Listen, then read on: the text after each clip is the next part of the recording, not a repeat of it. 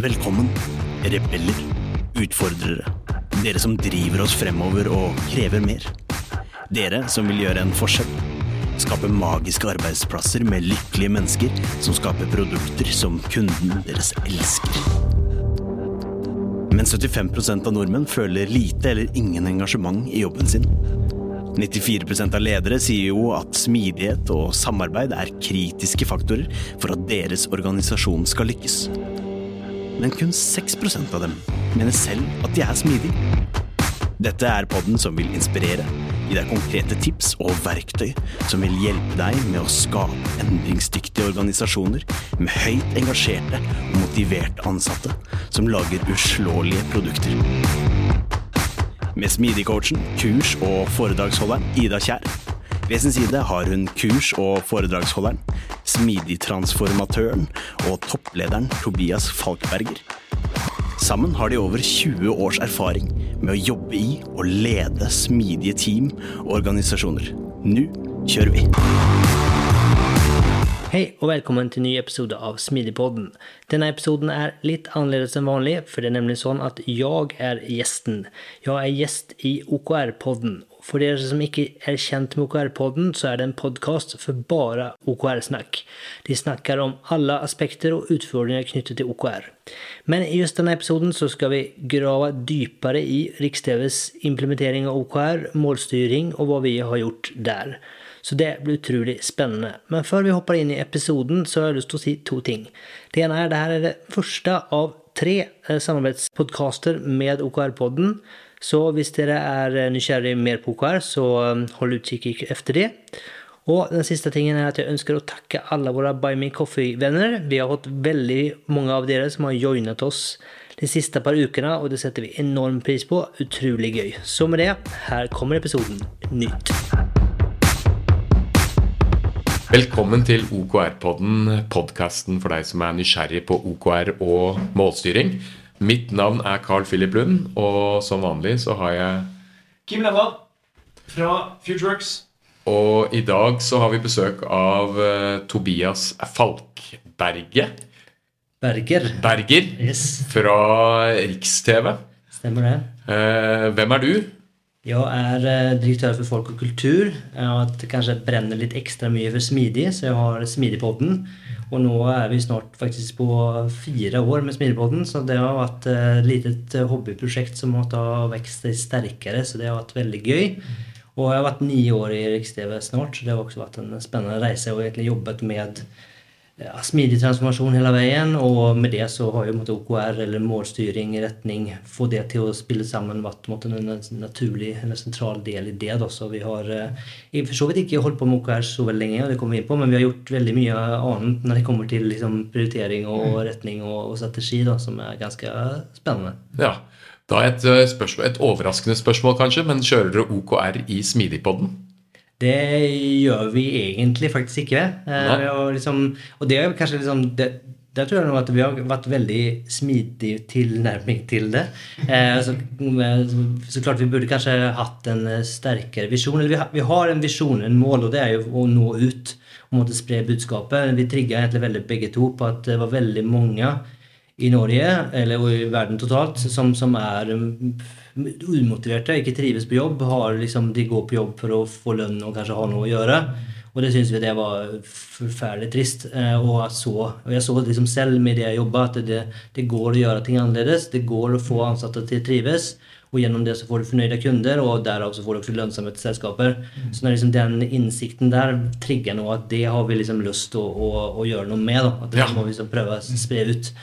Eh, og så har det jo vært i liten skala, og så er det klart eh, det er jo et hobbyprosjekt, så det er jo, livet kommer jo i tillegg. Så det har liksom vært, eh, I starten så var det litt sånn nu og ned, og så bestemte vi oss Og der kanskje var en KR, da, for vi bestemte oss relativt eller sånn midt inni der at ok, vi, vi committer. Vi skal ha episode hver annen onsdag. Det kjører vi på, og det har vi i stort sett holdt. Eh, Det har vært, eh, og gjennom permisjoner og reiser og sånne ting, så har vi liksom holdt det gående. Nå ble vi foreldre for eh, bare syv uker siden, så der har det ikke helt klart det, men vi er, vi er nesten. Så vi vil kanskje mer kanskje holde det på, på hver tredje uke, da. Men, men ja, det har vært en mål om å, eller en KR, da, at liksom jevnlig eh, preachade budskapet og få snakke med spennende gjester fra ulike selskaper, fagfelt, som kan måtte liksom danne denne her framtidsrettede, riktige organisasjonen der folk ansatte kan trives, og du skaper fornøyde kunder og fantastiske produkter. Ikke sant? Og, og du, du nevnte ikke det at du driver jo Smidigpodden sammen med en du kjenner ganske godt. Det er jo moren til barnet vårt, da, så det er samboeren min Ida. Så vi har den eh, sammen. Da, så, det- så vi er jo Jeg vet ikke om jeg har fortalt det til, til dere, men vi, vi har jo luksusen at vi kan liksom diskutere fagting når vi er sammen. Så vi har jo annet sittet i boblebadet og drukket champagne og diskutert OKR. Da, så det er jo liksom eh, eh, en eh, hva skal jeg si, sær luksus som vi har i vårt forhold. At vi eh, har måttet lidenskap for de, de samme tingene. Jeg tror, jeg tror det kan slå begge veier, for min samboer er marinegeolog. Og, og det at vi har så forskjellige eh, arbeidshverdag, det gjør at eh, jeg får innblikk Eller jeg får andre perspektiver. Eh, jeg tror jeg, jeg, hun blir jo litt gal når jeg prater om de tingene jeg gjør, men det, når, eh, når hun prater om de tingene hun jobber med, så er det liksom Det blir kontraster. Og det er jo også en luksus, men eh, jeg ser jo den der det, Jeg kunne jo sittet og pratet om det jeg jobber med hele tiden. Og da tror jeg det hadde kanskje gått på forholdet løs hvis, hadde, hvis begge to hadde pratet om det samme hele tida. Ja, det, det er en balanse det der. altså. Så, men jeg har også hørt Det kan jo hende at OKR ikke behøves når man har et så tett arbeidsforhold som det dere har. At eh, det er, det er liksom Jeg tror jeg har lest eh, en, eh, sånn, et bilde av hvordan en bedrift fungerer versus hvordan en kropp fungerer. Og i, på kroppen så funker jo bare ting. Du, du trenger ikke å fortelle hånden at du skal plukke opp det glasset. Det skjer automatisk. Du trenger ikke å ha noen møter for å liksom sette mål. Med, alt bare skjer organisk. Og det er kanskje sånn det Det er kanskje den ideelle styringsformen eh, i forhold til eh, hvordan en bedrift også kan styres. At det, ting bare skjer autom med automatikk. Um, Och det tror jag nog kanske, och där har vi kanske eh, ubevisst också implementert jeg, men noen prosesser som at vi, vi, vi reflekterer ganske jevnlig om hvordan ting går og hvor ting er, sånn at vi kan kontinuerlig forbedre ting. Ehm, vi prater både på jeg kort, kort horisont og veldig kort, veldig kort dagshorisont på liksom hva som ligger i planen og hvordan vi skal liksom få logistikk og andre ting å, å eh, gå opp. Da, så det er en form av eh, standup, kan du si. Så, så det liksom har en del liksom, innarbeidede prosesser som gjør at liksom, den kommunikasjonen flyter veldig, veldig godt. Da. Eh, så tror jeg at vi er, eller om det kanskje ikke er uttrykk som OKR, så tror jeg vi er veldig omforent i, i, i retning og, og hva vi ønsker ut av livet og hvor vi skal. Da. Så det, det tror jeg liksom har vært eh, så er det klart, så er det, jo- du kan ikke planlegge for det, det du ikke vet. så det, det har jo skjedd ting, og det har jo også fått, fått retning og liksom endret retning. Da, og det har jo måttet vært i, i livet vårt òg. At vi har liksom har Plutselig har vi flyttet ut av byen og vi har fått hund og barn. og sånne ting, og Det er, liksom, det, er jo kanskje også liksom, en- Når ting endrer seg, så, så, så må man liksom håndtere det og liksom se at ok, men det her er kanskje det-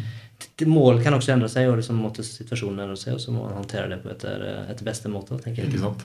Jeg tror, jeg tror samboeren min kunne tenke seg å begynne å bruke OKR hvis de hadde fått meg til å gjennomføre f.eks. oppussingsprosjekter. Eh, for hun er såpass smart at hun bruker de teknikkene som må til for å få ting gjort. Ja. Det, men det vil jeg jo si at eh, i en bedrift så er jo OKR en sånn type ting. Hvis du ønsker eh, høyere gjennomføringskraft, så er det smart å, å bruke OKR. Men kan ikke du fortelle litt grann om eh, liksom din eh, Ditt første møte med OKR? Når er det du, når er det du liksom, Første gang du hørte begrepet OKR, hva, når var dette her?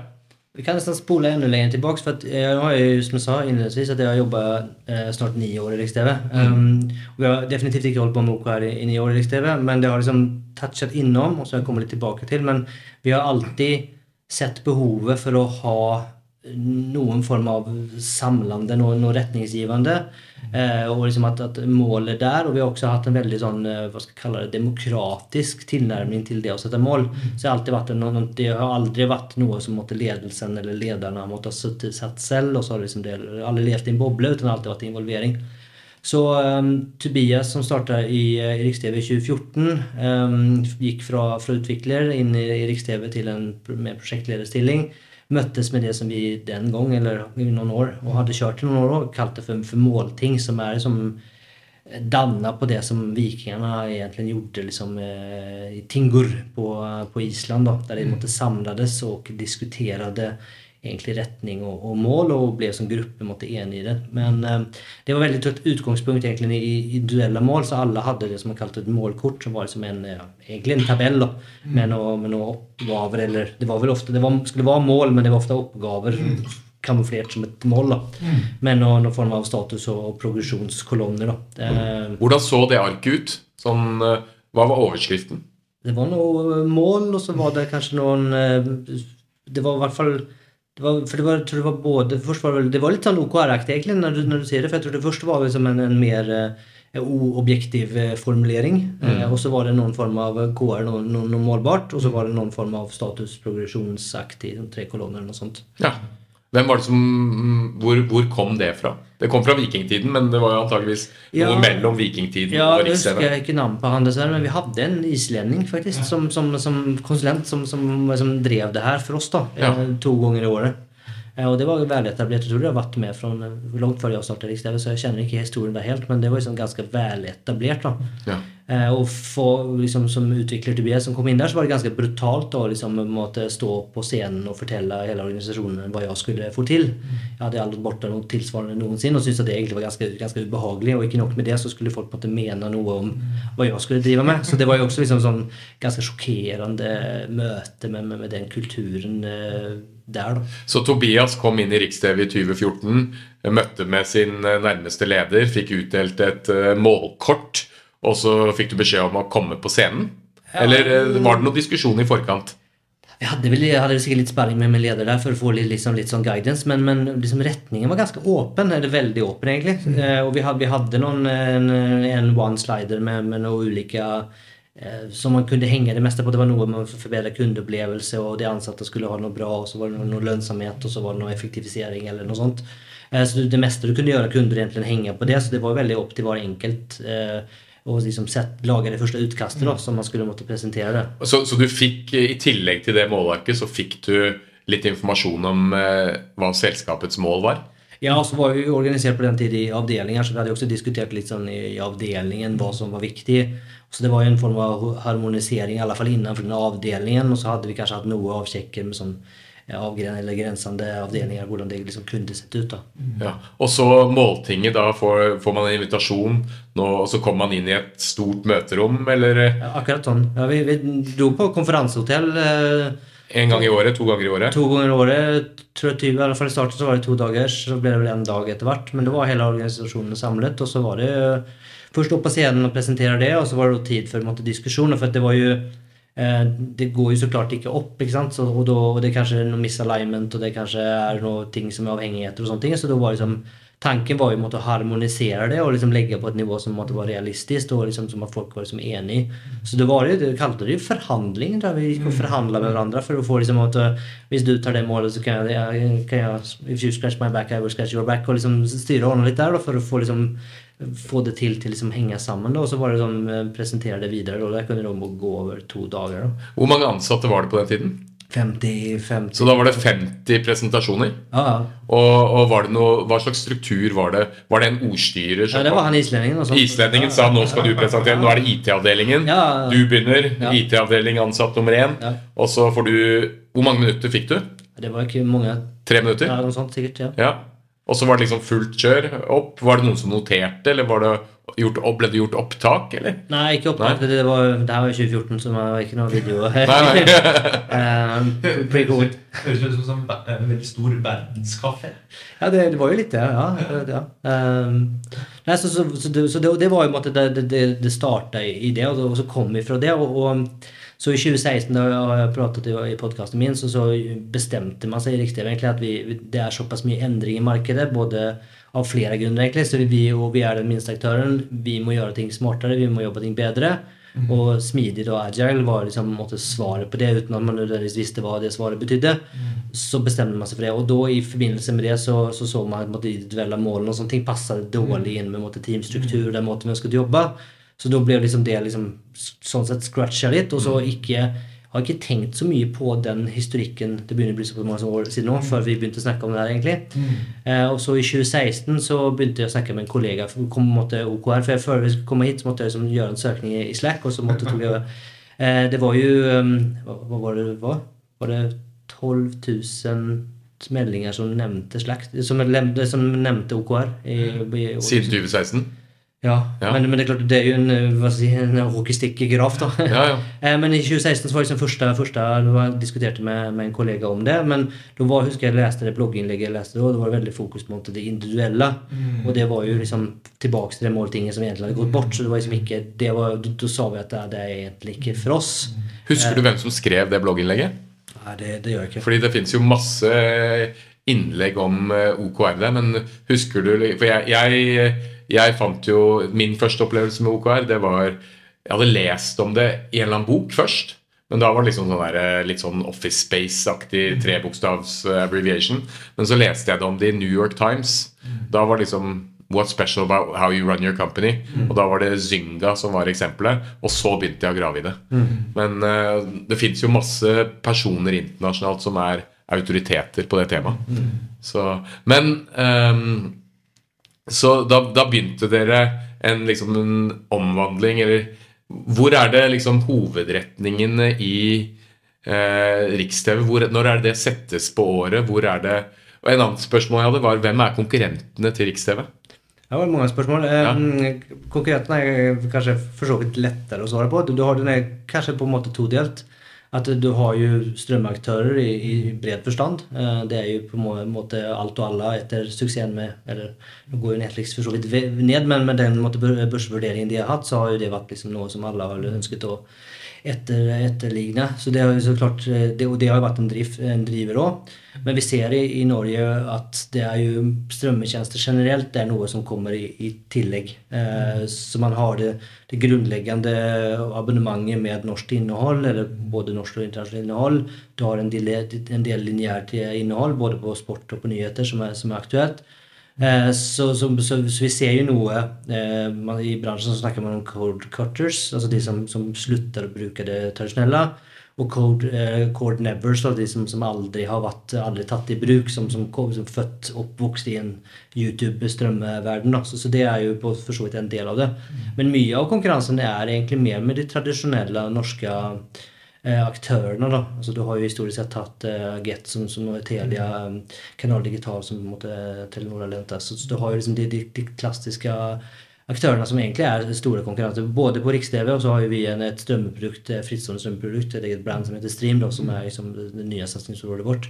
Men konkurransebildet er for så vidt relativt likt på, på, på begge de to uh, brands eller produktene. da, Og at uh, på Stream så er jo også måte Riks-TV egentlig en, en egen en konkurrent i seg selv. Da. Så det er innholdsprodusenter? Eh, Eller er det Distributører. Distributører, ok. Så Riks-TV lager ikke eget Nei, per, per innhold? dags dato lager vi ikke noe eget innhold. Nei. Så vi, vi samler og distribuerer, da, gjør det tilgjengelig. Ja. Eh, Så med både Riks-TV og Stream så får du et, et, et bredt innhold, og spesielt på Stream så får du mye innhold til egentlig til en lavere pris. Da, så du får liksom det, det du kan kjøpe løst, til dels i hvert fall, får du måtte samlet et sted. Så en, en innlogging, en inngang, en, et kontotrekk til en lavere pris. da. Så det er liksom verdiforslaget. Så det er liksom innholdsrettigheter men, men det, kan man si at dere konkurrerer med f.eks. TikTok? Sånn, jeg tenker på menneskets oppmerksomhet.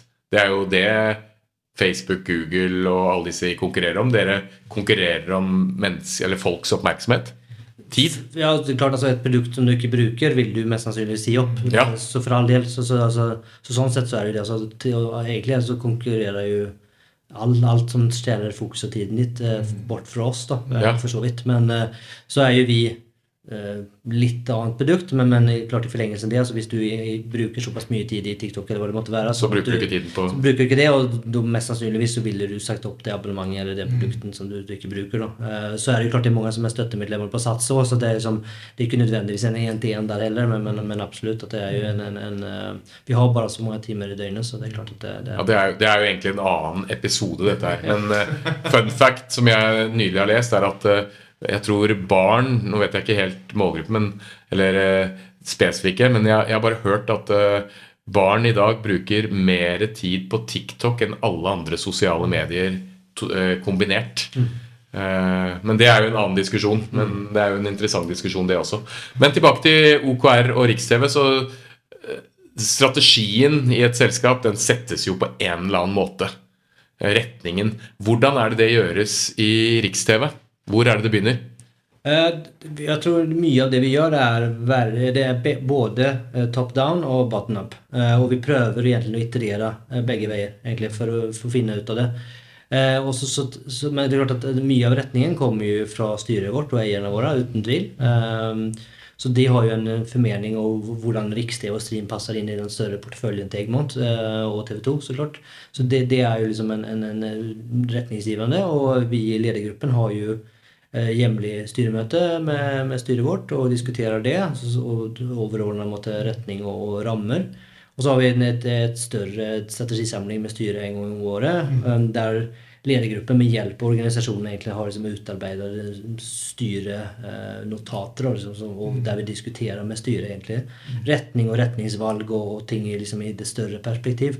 Eh, Men fra det så er det ganske, organisasjonen ganske, eller veldig mye involvert, og er for så vidt involvert i liksom innspillene og, og også presentasjon og diskusjon med, med styret. At vi ofte har eh, representanter med fra organisasjonen som er med og forteller sin del av, av det de sitter på, eller innsikten de har da, opp til styret, for å få ikke lost, in translation, utan at de er måtte, direkte kobla på og kan liksom fortelle om det de, de jobber med. Da. For at, eh, jeg nevnte at vi har Stream, og så har vi Riks-TV, og så har vi også en, en fiberdivisjon. eh, At vi har strategiske fiberpartnere som vi, som vi leverer. De har i fiber og internettet, og vi har måttet levere TV på toppen. Så vi har jo sånn sett tre parallelle produkter eller, mm. eh, som har litt ulik målgrupp og litt ulike måte, fasonger. Og da er det klart en strategisk vurdering hvor du setter trykket, og hvordan du skalerer opp og ned. da. Og hvordan, går, hvordan går samtalene da? Da er det liksom styremøter Når er det OKR? Blir, blir OKR nevnt spesifikt, eller snakker man liksom om disse satsingsområdene, så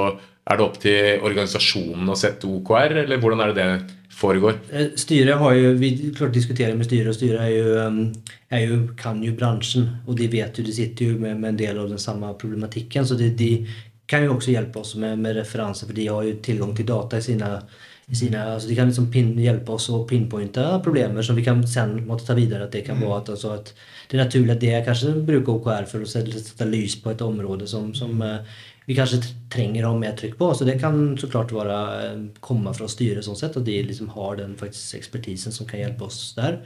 Men vi har ikke, bruker nok ikke begrepet OKR i veldig høy grad sånn mot styret. Ikke som begrepsapparat sånn sett. Utan det er mer internt i, i organisasjonen. da. Ja. Uh, og det går liksom tilbake til den historien med målting og så over her, så har vi vært liksom, vi har hele tiden jobbet med fra med egentlig månedlig til kvartal, og så tror jeg vi kanskje var over på halvår en stund, og så nå er vi tilbake på sånn flytende fire måneders perioder da.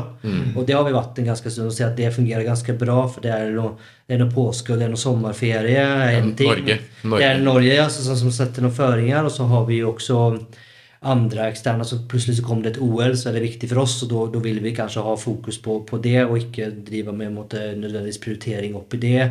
Eh, det kan, da kan det være kanskje vi trenger sånn sett å sette en retning og en ambisjonsnivå før OL. Da må vi gjøre det et, si, en periode i forkant, så da kan liksom det også OL kanskje skyve en periode, så at ok, vi, må, vi burde her burde vi diskutere mål for OL, så at vi faktisk har sjanse til å levere på det som et, en viktig ting. Og så kan det ofte være at vi har viktige innholdsavtaler, at vi vet at vi eller det blir avklart og vi kan bli enighet og få inn nytt innhold. Og da er det også såpass viktig og såpass førende og treffer egentlig hele organisasjonen.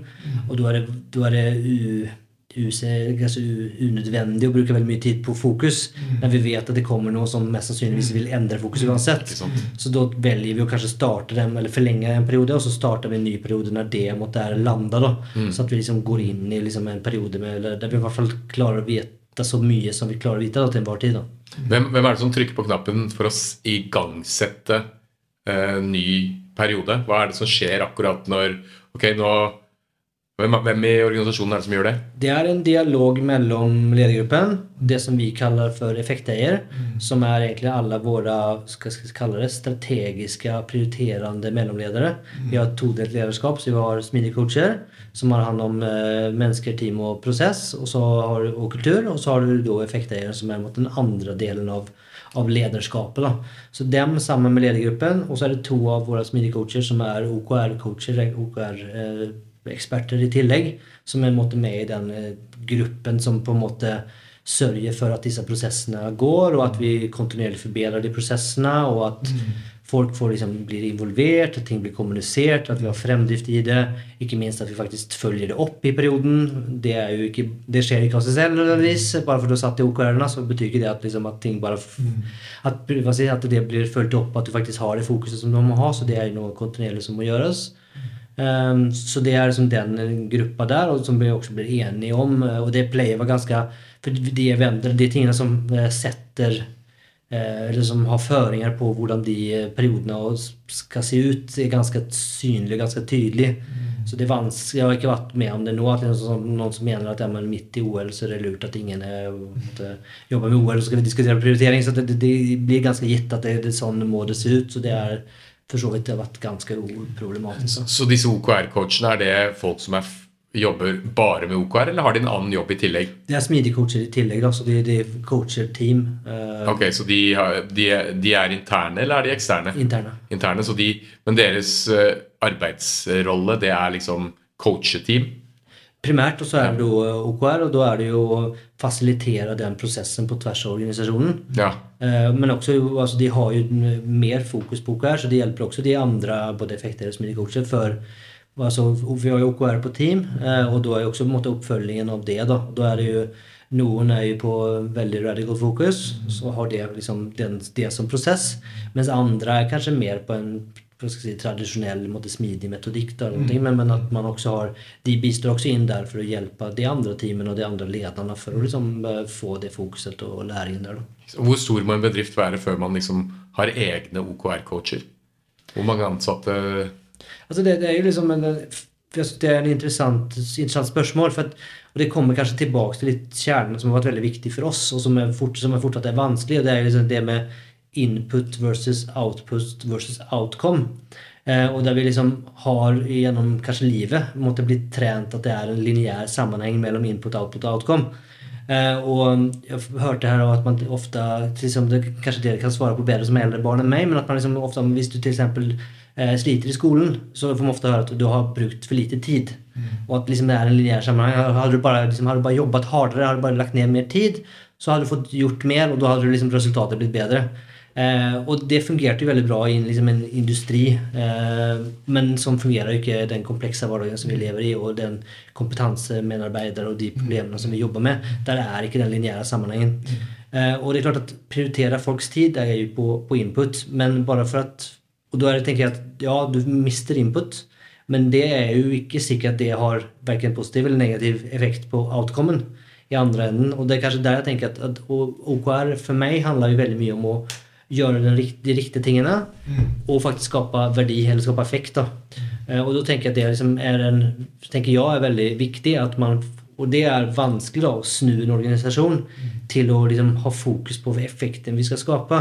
Og hvis man kan få folk til, eller hvis man prioriterer å hjelpe organisasjonen til å skape effekt, så tenker jeg det er en veldig god start. Da, og jeg tror det er bedre eh, at gjøre eh, noen få ting som skaper effekt, enn å gjøre veldig mye som ikke skaper noen effekt, eller veldig lite effekt. da. Jeg tror, jeg tror det er mange eksempler i Norge hvor det er mange som har jobbet ekstremt mye og utrettet svært lite. Ja. Eh, og det er jo en mindset. Og, og, og den er brutal. For jeg tenker mye om man, eh, Mange naturlig nok bygger jo også sin identitet på det man gjør. Mm. Og man kan jo liksom det å sitte og tenke meg, jeg har brukt liksom halve livet mitt og jeg har liksom ikke fått gjort noe som helst. Den er jo fruktansvært brutal. Altså, det, det krever jo en enorm måte, psykologisk trygghet. Det krever liksom et system og en tillit rundt for å måtte tørre å klare å stå i det. da. Nei, det er en eh, utrolig interessant eh, diskusjon. Eh, dette med barn også, det, det, det jeg husker eller det, Jeg har lest mye om det, men dette med growth mindset sant, hvordan, Nå er jo dere i den situasjonen at det kommer en liten pote som skal vokse, og du ønsker jo at den personen, den lille det barnet skal ha det best mulig. Ikke, men eh, den, den kommentaren som jeg husker best når man skal snakke med et barn, det er at det klarer du ikke ennå. Legge på det ordet 'ennå'. Det er en fin måte å bygge det growth mindsetet, at alt er mulig, men ikke ennå. Og så bygge videre på det. Men det er også en annen episode. Eh, Men tilbake til eh, OKR. Da har dere liksom hatt eh, det tinget, dere har diskutert med styret. Hvordan er det dere går fra liksom de diskusjonene til formaliseringen av og kommunikasjonen av OKR? Um, kan du kanskje gå gjennom litt hvordan den siste processen nå så ut som var her etter sommarferien? Nå var jo lite forbehold, så var jeg jo i fødselspermisjon oppe der så att det er noen deler som eh, jeg ikke var med på og noen deler som jeg ikke var kanskje helt mentalt med på men, men, eh, men, men, eh, bortsett fra det så, så begynte det egentlig med at vi i, i ledergruppen basert på all innsikt eh, som vi hadde og dialog med, med ulike ansatte og dialog med, med med eh, styret òg, så, hadde vi et utkast på eh, periodens OKR-er, eller egentlig ja, periodens OKR-er. Eh, men ikke vært lagt veldig mye tid på formulering, og heller ikke tallfesta de KR-ene. Men vi ser at vi, på dette området her må vi gjøre et løft, og det her er ting vi tenker kunne være lurt å måtte måle. Vi vet kanskje ikke nøyaktig hvor vi er i dag, for vi kanskje ikke måler det fra før. Eller vi vet i hvert fall ikke hva som er realistisk å få til. Mm. Så, og det har vært liksom det som har blitt eh, presentert. Så da hadde vi en, eh, en felles dag på kontoret. Mm. Så alle, vi har fleksikontor og Riks-TV, men det var liksom at her mener vi at alle bør komme inn på kontoret. Hvor mange mennesker var med på den prosessen da? Eh, vi er 110 20-30 stykker ca. Mm. Eh, så det var alle de, da. Så en dag hvor 100 mennesker samles mm. i et rom. Hvem er det som snakker? Hvordan er det det Da var det jo flere ulike, så det var egentlig en, en relativt velplanlagt dag med eh, Agenda og organisert ja, ja, og taletid og Ja. Altså daglig leder, som har jo klart mye taletid. Mm. Men han begynte å snakke også veldig mye om måtte, historien. Og de, du var innom de, måtte, tre produktene og de to brandsene og hvordan de har utvikla seg over tid. Mm. For å få liksom, en bedre forståelse hvor vi er. Um, og så hadde vi en ekstern som pratet om medietrender. Så vi fikk liksom innsikt fra bransjen. Hvor beveger det seg? Og så var det noen team som hadde et innlegg om hvordan de har tenkt med eh, leading versus lagging, og hvordan de har liksom sin reise for å finne OKR-er som passer for dem. Som liksom inspirasjon fra et, et team. Så det var liksom litt ulike måtte, egentlig presentasjoner gjennom den dagen for å sette liksom retning. Og så den utkastet måtte, til, eh, til OKR-ene som, som, vi, som vi ledergruppen hadde jobba med, også, ble også presentert der. Så det var liksom, og Vi kalte det for en kickoff, og så var det da måtte, sosial ting på, på takterrassen eh, etterpå. da. Så det var liksom noe som satte retningen. Og sen i tillegg så hadde vi da, tror jeg to uker senere, så hadde vi en eh, to dagers frivillig eh, workshop. da. Ehm, tror jeg om det var fire halvdagers eller noe sånt på, på ulike måtte, områder eller tematikker.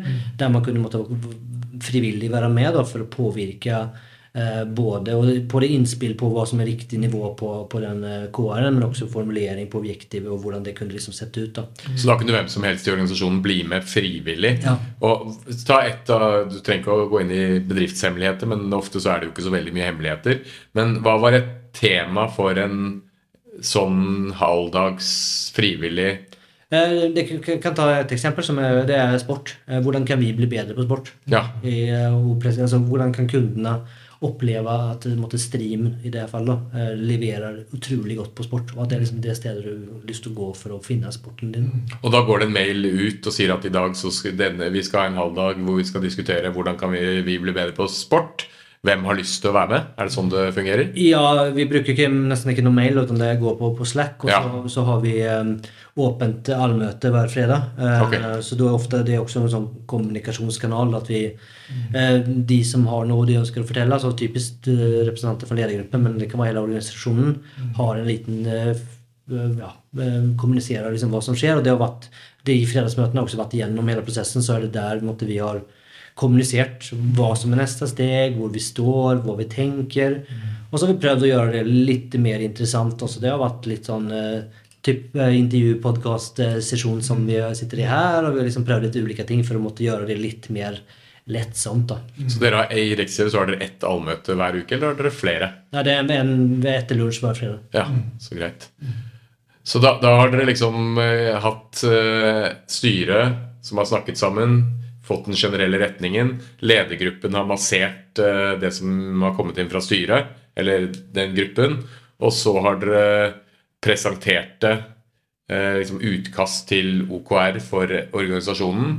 Og så har dere kjørt sånne frivillige eh, workshoper for alle de forskjellige satsingsområdene. Og så, hva skjer da? Ja, da, da, er det jo, og Etter det så har egentlig de som effekteierne då, de våre strategiske mellanledare, har jo tatt tagit de innspillene. og der kan det også, altså, det, det er jo når man prater om OKR og mål så kommer det alltid veldig mye aktiviteter og initiativer og ideer og veldig mye ting vi kan gjøre. Mm. Og det har vi sagt som kjempebra. Takk. det, det, vi sparer det. Det her er jo gull. Eh, men nå det, skal vi prøve å snakke om OKR. Eh, men vi, det, det gull. Mm. Takk, takk, takk. takk.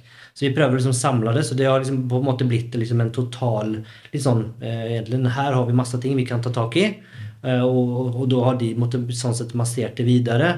Eh, og så har de egentlig kommet opp med både eh, endelig versjon av objektiv og måtte egentlig tallfeste KR-er. da.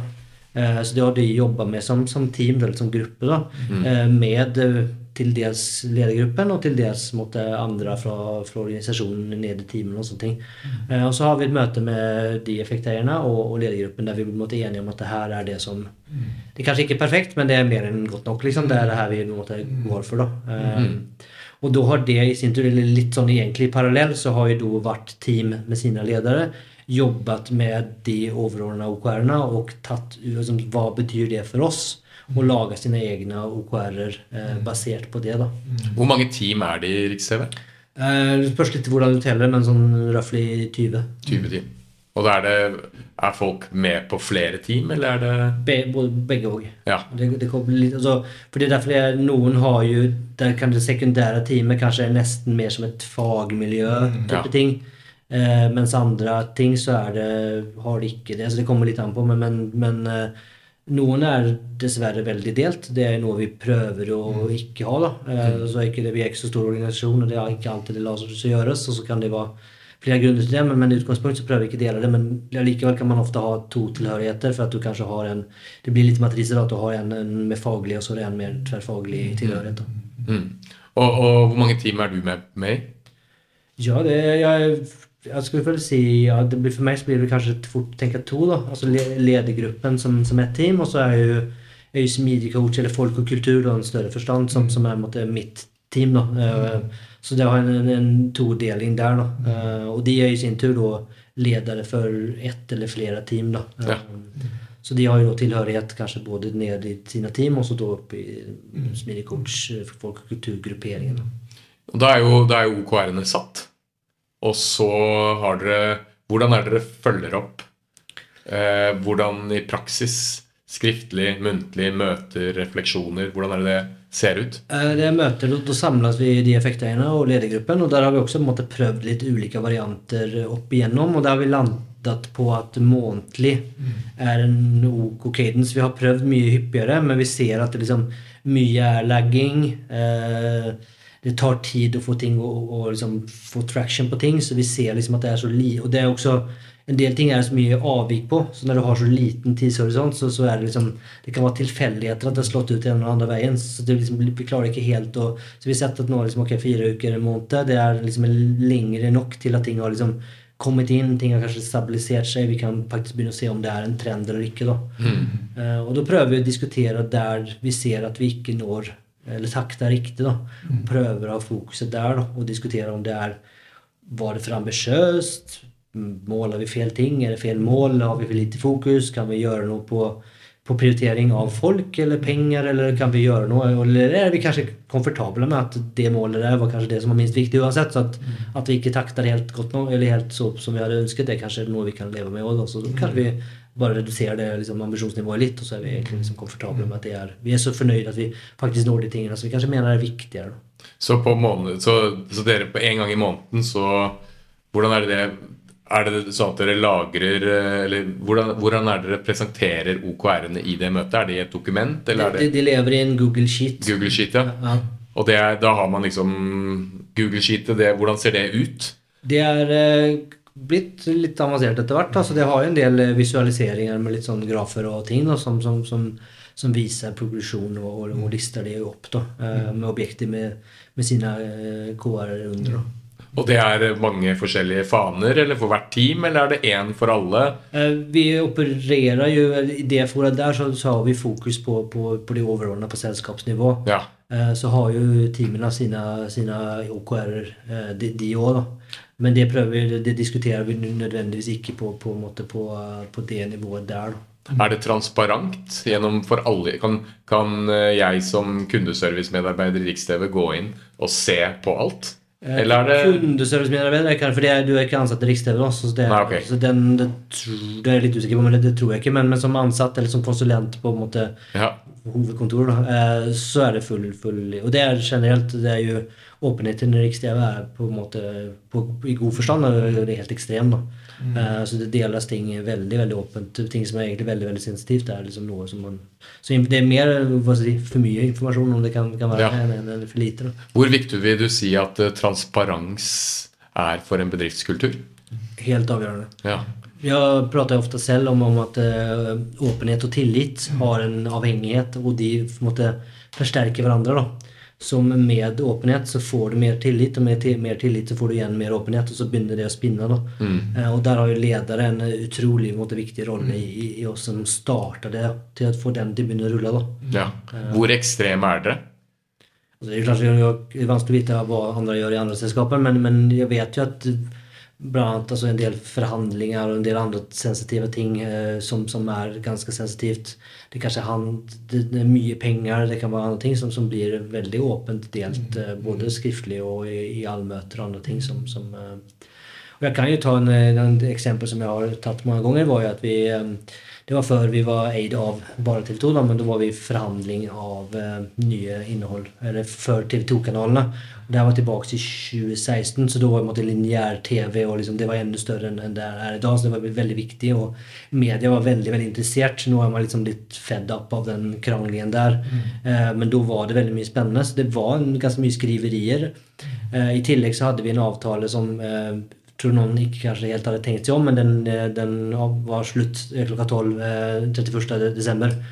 Eh, så var det ingen som tenkte at det er jo nyttårsaften, så det er kanskje en dårlig tid å ha. Så, så man satt eh, egentlig forhandla det i liksom, i overtid. Eh, og da var liksom i, i liksom hele den desember der opp mot jul, så, så sto jeg i kantina, altså daglig leder, og fortalte for hele organisasjonen hvordan de forhandlingene gikk. Altså Hvor sto vi, hvor lang var avstanden, hva var hans måte, prosent på han trodde vi skulle lande der. da. Eh, og så gikk alle i, juleferie, og da fortsatte han eh, å dele eh, på Slack. Um, og når vi måtte på, på nyttårsaften, så var det liksom nesten eh, TV 2-forhandling minutt for minutt. Så da satt han og, og, og delte med organisasjonen, og vi fikk liksom eh, forståelse. Og, det, det, det det gjorde med, var at vi hadde en enormt eierskap, og alle var så, hadde liksom lyst til å få det til. For vi visste at liksom den, blir det sorte skjermer, så blir det liksom ekstremt trøkk på kundeservice. Eh, de kommer ikke klare det her, utan vi som alle som ansatte må, må bidra, uansett hva, hva jobben din er. Um, så, så, ja, så klokka, tror klokka åtte-syv på kvelden på, på nyttårsaften Da gikk det ut en eh, SMS at vi alle ledere måtte møtes, for at det ser ut som det, det går i dass. Vi får det ikke til. Eh, Så da var det ikke noe mer champagne den kvelden. Jeg var på hytta, men var liksom klar at eh, jeg setter meg i bilen fire om morgenen og kjører inn til Oslo hvis det er det som trengs. liksom. Men eh, han fortsatte å forhandle og gjennom natten og fordelte på Slack. Og når jeg eh, våknet i, natt, i natten og tok opp telefonen, så så jeg der at eh, at channel klokka 02.34 eller noe. Nå er vi i mål, eller vi er det bare detaljer igjen. Vi kommer ikke i mål. Det blir ikke brudd. Eh, liksom, takk alle sammen for den innsatsen dere har gjort, og at dere er så på. Eh, vi, vi ses eh, 3. januar eller noe. Fantastisk. Det- I, i, eh, det, er jo det er vanskelig å generalisere, da, men vil du si at eh, ekstrem transparens eh, gir bedre bedriftskultur? Ja, det tror jeg. Det tror jeg også. Ja. Det, det er jo et eh, selskap som eh, du kanskje kjenner til, en som heter Ray Dalio. Følger du ham? Nei? Han er jo kjent som eh, Han, en av, han forvalter et av de mest suksessrike hedgefundene i verden. Eh, Han har nettopp eh, gått av med pensjon, men han har begynt å dele veldig mye. I jeg tror det er Bridgewater Associates eller noe. Der, der, der tar de opptak av alle eh, møter eh, og gjør de møteopptakene tilgjengelig for alle eh, i ledelsen til, eller ned til en viss nivå. Så at alle kan se Det er jo billig å lagre opptak i disse dager, men han mener at det er, det er et eksempel på ekstrem transparens. Og jeg har diskutert det med ganske mange mennesker. og hvis, hvis det er sånn at ting er ekstremt transparent, vil du ikke da begrense hva du sier? Fordi i disse dager man vet jo at ting kan Selv om du har gode intensjoner, hvis det blir tatt ut av kontekst, så kan det misforstås og skape ganske mye splid andre steder. Hva er dine tanker om, om det? Jeg mener klar, jeg, kan se at det er noen ting man må venne seg litt til. Og jeg ser at når vi får nyansatte inn, eh, så tror jeg det er som at veldig mange kanaler som vi har på Slack har ju nästan hele selskapet. Og det er en terskel å måtte legge noe ut der og sånne ting. Mm. Men du kommer, eh, kommer fort over det, for du ser at andre er åpne. Og du ser at det er klart, du kan ikke ha en åpenhetskultur med en kultur som måtte straffe folk for å gjøre feil. Nei. Eller for at de har sagt noe.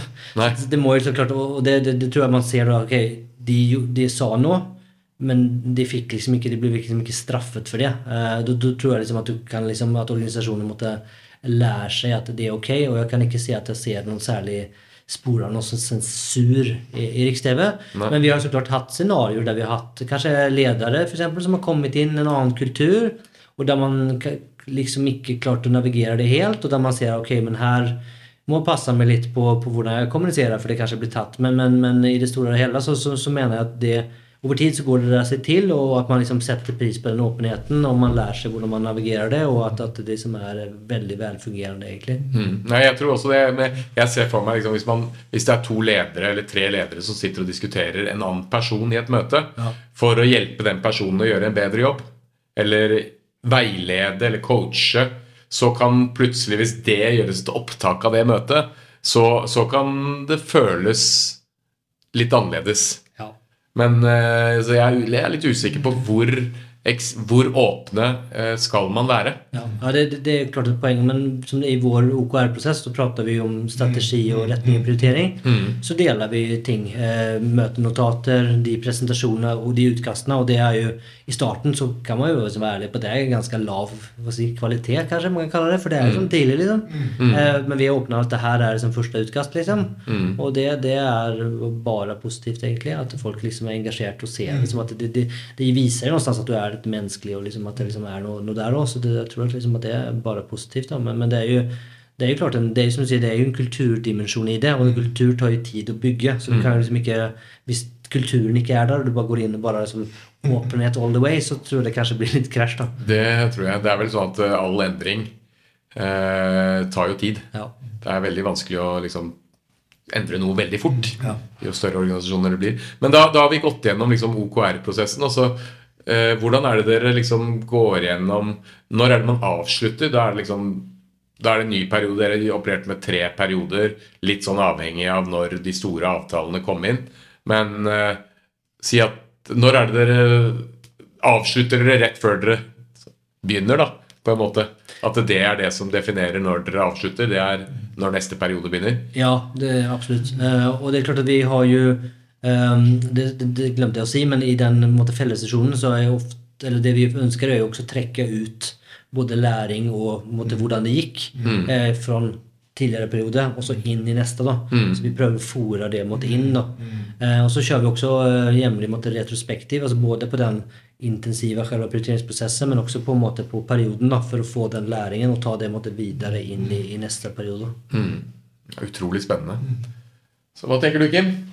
Ja, jeg tenker at det er eh, masse Jeg synes at det som var eh, eh, interessant det du snakket med meg i stad, det var at den involveringen fra, fra, fra ledelsen på en måte sier noe om, om hva som er retning, hva som er prioritering, og hvordan dere får da organisasjonen til å være med å bidra inn til det. Det synes jeg er en, en veldig fin måte å gjøre det på, for både å skape eierskap, men også ikke minst at du har noe og kan få involvering ganske tidlig av. da. Eh, Og derfra, som jeg forsto da, så gjør da ledelsen noen prioriteringer, og så går dette her ut igjen til organisasjon. Ja. Og da begynner man å sette OKR-ene sine i disse teamene, 20 teamene som dere har. Og det synes jeg er helt uh, Det skaper både eierskap og godt commitment til uh, OKR. Og Det er også en ting som vi har sett, eh, at vi eh, Det å finne riktig nivå eh, på hva skal jeg si, retning og detaljnivå eh, har ikke vært helt enkelt. eh, Og der vi faktisk har Organisasjonen har vært veldig tydelig på at vi trenger mer retning. Dere har et ansvar som ledere med å liksom, liksom hjelpe oss med å sette retning. Dere ser bedre oversikten. Dere har bedre kanskje forståelse for hva som skjer i markedet, hva som skjer hos konkurrenter. Vi trenger noe som er mer retningsgivende. Så vi har faktisk gått fra eh, tidligere vært egentlig veldig sånn åpent på hva tenker dere er viktig, til at nå, nå, er, nå ser vi det her. Vi er veldig, veldig åpne for, for innspill. Det her er ikke ferdig, på noen måte, men det her er i hvert fall det vi ser, og vi tenker at det er en, en, en god, god retning videre. Og det har blitt egentlig tatt imot veldig godt. At det liksom er lettere at du har noe å liksom diskutere ut fra, noe å bygge på, eh, som, som også hjelper deg. At liksom ikke, ikke alt er ikke åpent. da. Det, det er samme erfaring som vi har i, i Nevo. Fordi der var det sånn, når- Da vi begynte, så var det veldig sånn Alle kan bidra. Alle kan få lov å si sin mening. Og så sendte, sendte jeg ut mail eh, og skrev liksom hva vil du at eh, Inevo skal ha som OKR dette kvartalet. Og så fikk jeg ikke noe svar. Eller jeg fikk, og, så, og så tenkte jeg skal jeg tvinge folk til å svare. Men, men så etter hvert så skjønte jeg det at eh, folk er positive. Men de trenger litt mer kjøtt på bein. Eh, For det er ikke alle i en organisasjon som er komfortable med å sette retningen. Så det er derfor man har ledere som skal sette retningen. Så jeg, jeg endte opp med det vi gjør nå. Det er at eh, eh, vi kjører halvårsprosesser på selskapsnivå. Og det begynner med at eh, jeg sender ut en e-post hvor jeg skriver hva er viktig for deg, hva syns du vi bør satse mer på, hva er det som funker. Litt sånn eh, ikke tenk for mye. Eh, skriv ned noe input. Eh, og, og så samler jeg alt det input, anon, delvis anonymiserer det. Eh, og så bruker vi det som diskusjonsgrunnlag i ledergruppen når vi skal sette retningen på selskapet. For vi, vi i hvert fall, vi tenker at eh, vi prøver å unngå altfor mye møtevirksomhet rundt dette med målsetning. Vi er litt inspirert av eh, Jeff Bezos.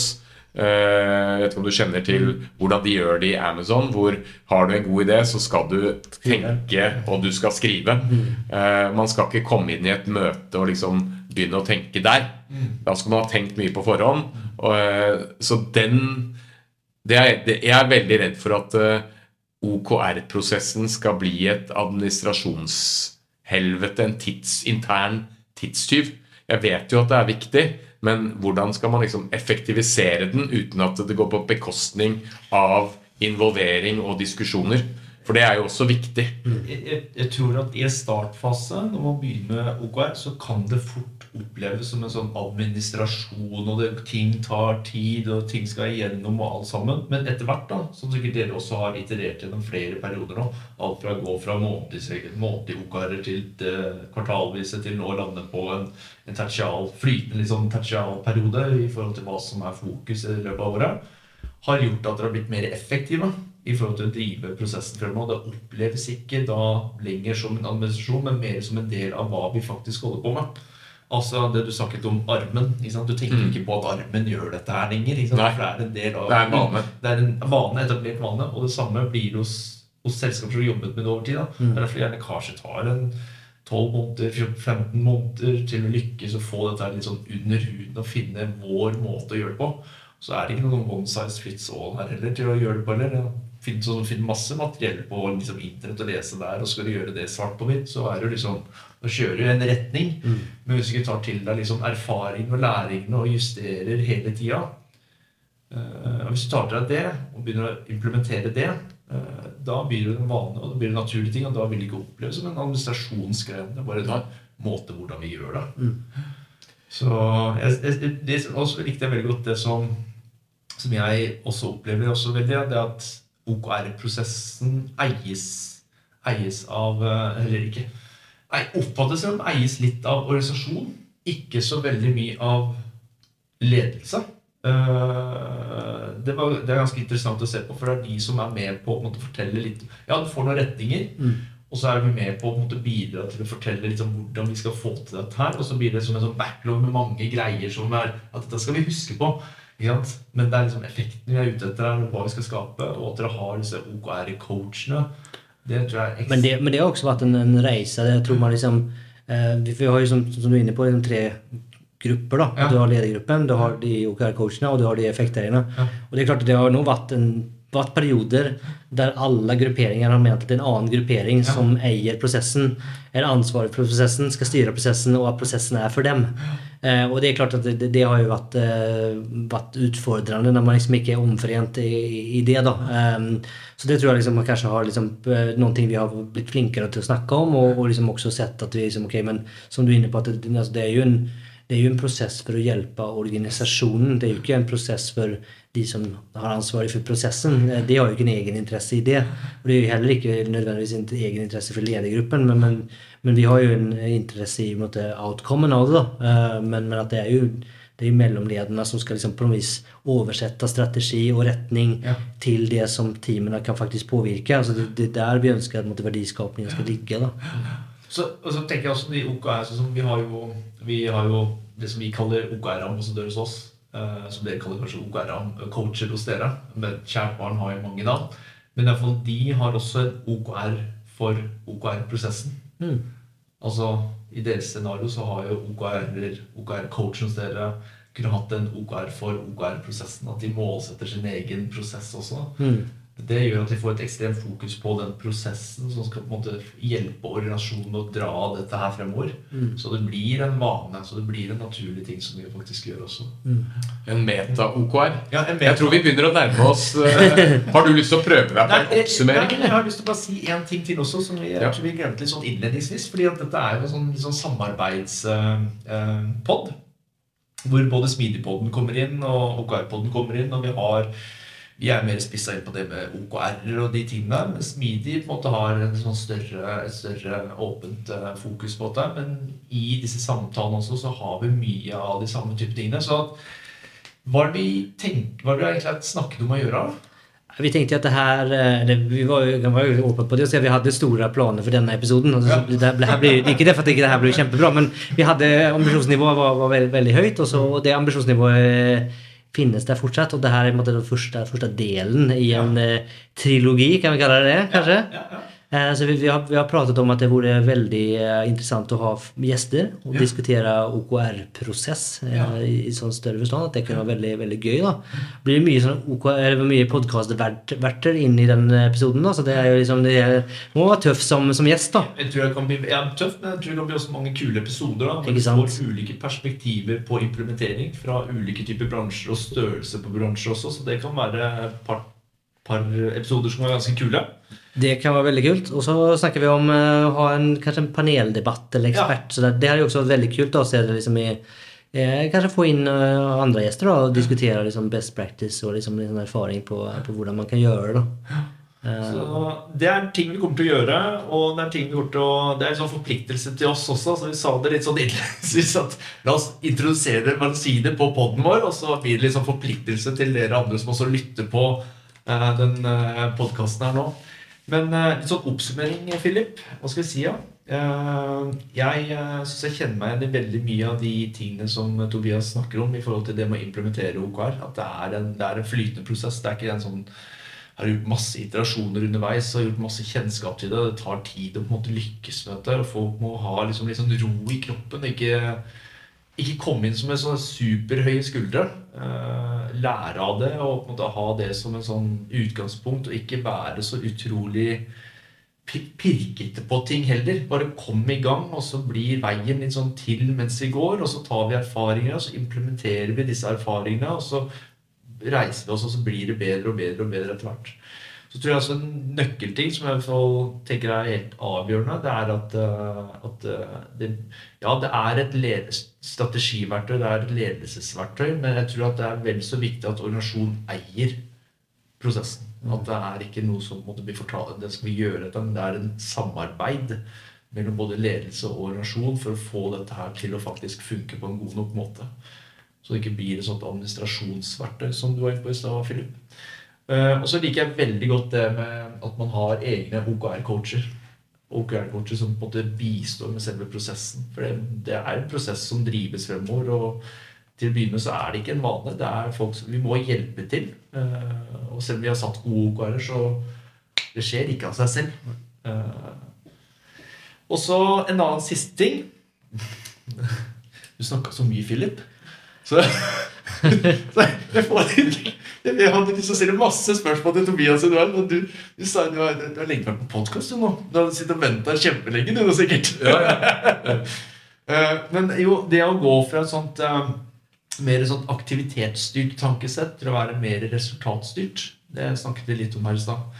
Uh, Mista litt sånn tråden på hva jeg skulle si. Input, output og ja, outcome. ja, ja, ikke sant? At man har fokus på det outcomet vi skal skape, og ut ifra det så kommer det en del aktiviteter. Jeg mista tråden på hva jeg skulle si. Jeg tror vi egentlig runder av der. jeg. Eh, og så gleder vi oss til de neste episodene. egentlig. Det gjør vi. Takk for i dag. Jeg vil bare minne deg om Smidigpodden-fellesskapet. Kanskje har du lyst på eksklusiv tilgang til foredrag, kurs og masse masse mer. Eller kanskje du bare liker denne episoden spesielt godt. Eller kanskje du bare syns Smidigpodden er som lommen eller rosin i pølsa om du vil, og vil vise at du setter pris på oss. Da må du gå inn på smidigpodden.no skråstrek en kaffe for å bli en del av Smidigpodden-fellesskapet. Håper å se deg der.